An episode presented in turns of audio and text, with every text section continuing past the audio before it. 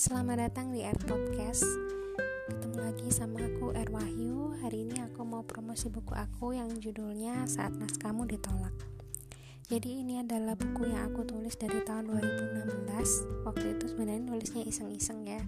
Jadi sebenarnya ini adalah buku yang berisi curhatan aku karena keselingan ditolak ya. Jadi aku tuh sudah ditolak 27 kali lebih lah.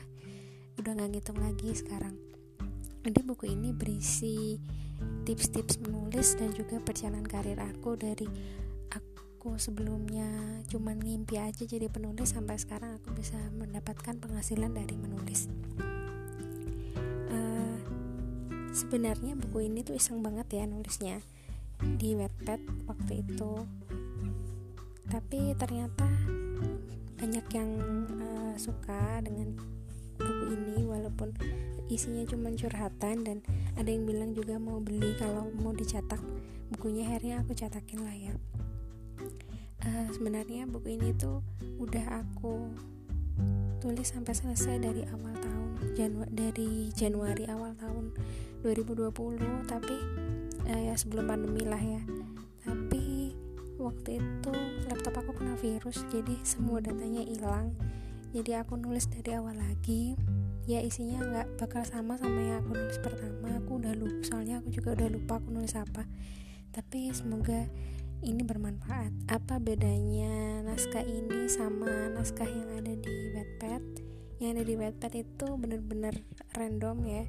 Karena itu aku bener-bener asal nulis aku nulis apa aja yang ada di pikiran aku. Sementara uh, buku ini tuh lebih terstruktur lah isinya apa jadi pertama itu ada alasan, alasan-alasan kenapa naskah kita ditolak.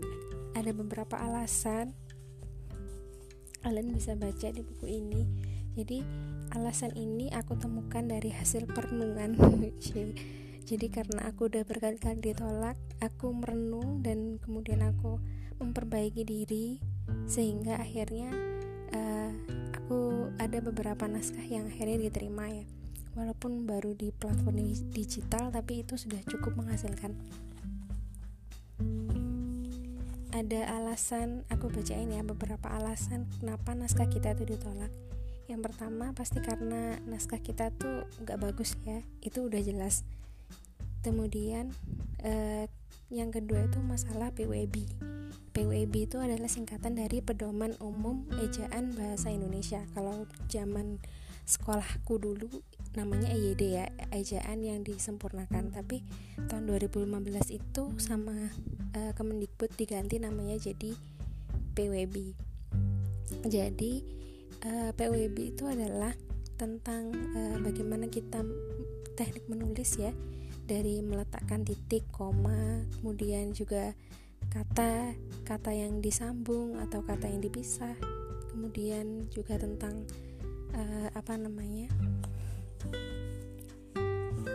KBBI juga. Jadi tulisan kita itu harus sesuai dengan standar tulisan yang memang sudah ada.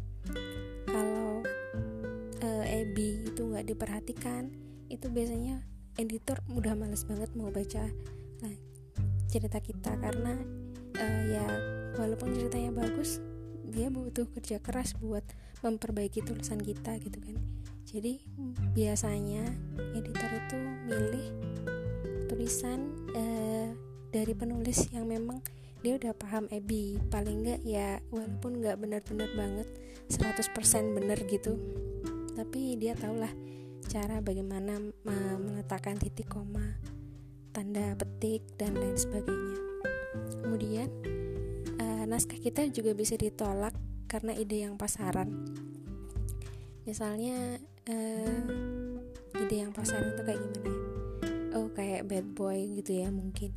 Uh, cewek yang populer ketemu sama cowok yang populer terus habis itu mereka saling jatuh cinta. Ya itu salah satu uh, cerita yang klise ya. Tapi sebenarnya walaupun ide kita pasaran itu kita bisa bikin cerita yang menarik dengan eksekusi yang berbeda gitu dengan menampilkan konflik-konflik yang berbeda jadi kalau kita, ide kita pasaran sebenarnya itu bukan apa namanya menjadi salah memang menjadi salah satu faktor naskah kita ditolak tapi bukan faktor yang utama. Kemudian yang keempat ada karakter tokoh yang kurang kuat. Jadi uh, kemarin aku sempat bikin podcast tentang penokohan dan kalian bisa pelajari bagaimana cara membuat karakter tokoh yang kuat dari uh, apa yang ada di podcast aku kemarin. Kemudian ada plot hole. Jadi plot hole itu apa sih? Plot hole itu adalah uh, apa namanya? Lubang di dalam cerita kita. Jadi ceritanya itu ujuk-ujuk gitu. Nggak ada nggak ada angin nggak ada hujan tiba tiba-tiba ujuk-ujuk. Gak jelas gitu.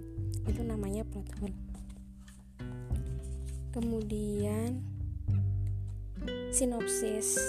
Jadi ada pem kemarin aku udah jelasin ya kalau sinopsis itu berbeda dengan blurb kadang-kadang ada uh, penulis yang menganggap kalau blurb dan sinopsis itu sama. Kemarin itu aku sempet dikasih apa namanya ada penulis yang baru yang masih amatir gitu konsultasi ke aku tentang sinopsisnya dia. Dan sinopsisnya itu aku nggak nggak ngerti deh itu isinya tentang apa. Maksudnya aku udah baca tapi aku nggak ngerti ceritanya itu gimana. Cuman ceritanya itu cuman bulat aja terus habis itu konfliknya nggak tahu nggak jelas.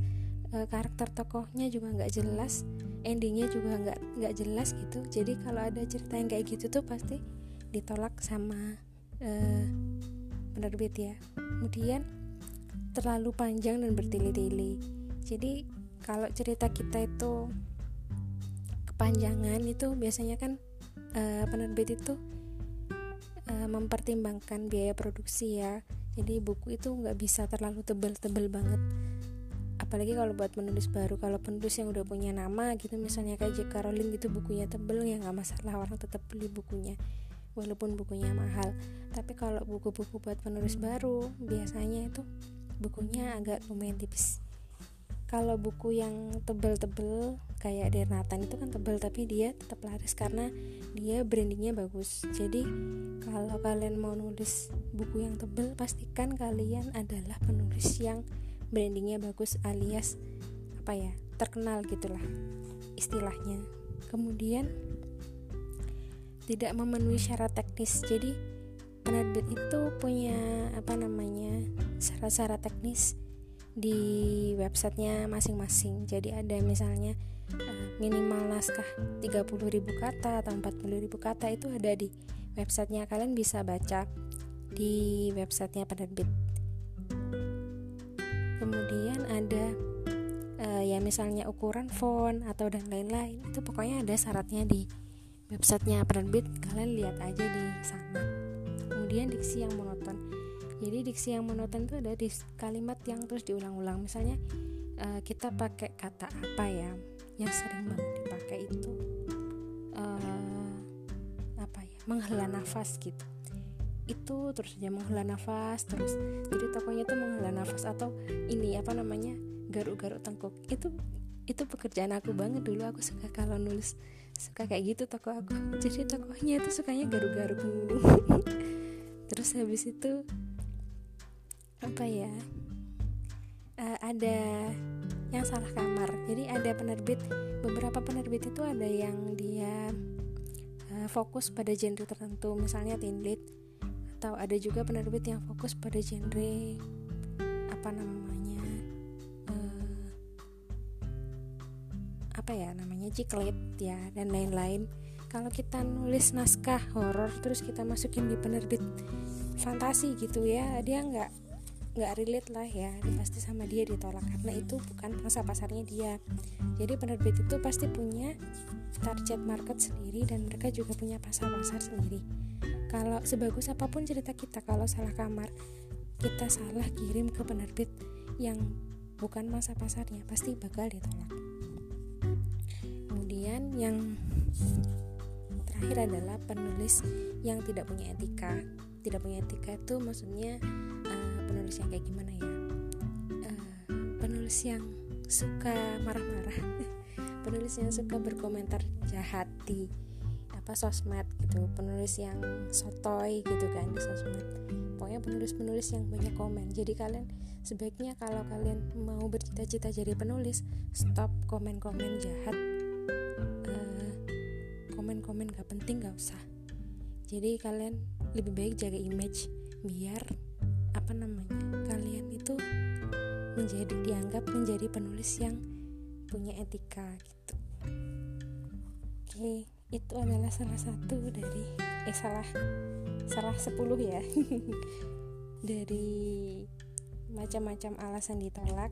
Kemudian dalam bukunya ini juga ada uh, apa namanya tips untuk mendapatkan pembaca ya. Karena membaca di Wattpad itu yang seperti aku bilang nggak bisa. Kalau cuman sehari dua hari kalian berharap bisa banyak yang baca. Itu harus konsisten dan butuh waktu yang tidak sebentar. Kemudian ada soal banyak lah. Ada cara-cara buat promosi ada juga tentang power power yang harus kalian kuatkan dan juga ada informasi mengenai analisis usaha kalau kalian mau self publish atau mau bikin penerbit indie atau uh, kalian juga kalau ada kalau kalian mau masukin naskah ke uh, platform-platform digital di buku ini ada semuanya tentang tata cara dan juga tips-tipsnya dan juga ada perhitungan simulasi royaltinya seperti apa. Jadi kalau kalian tertarik kan bisa langsung pesen ya bukunya. Hehe. Pesan aja di shopee aku uh, 27 bookstore. Oke? Sepertinya cukup podcast untuk hari ini. Sampai jumpa di podcast selanjutnya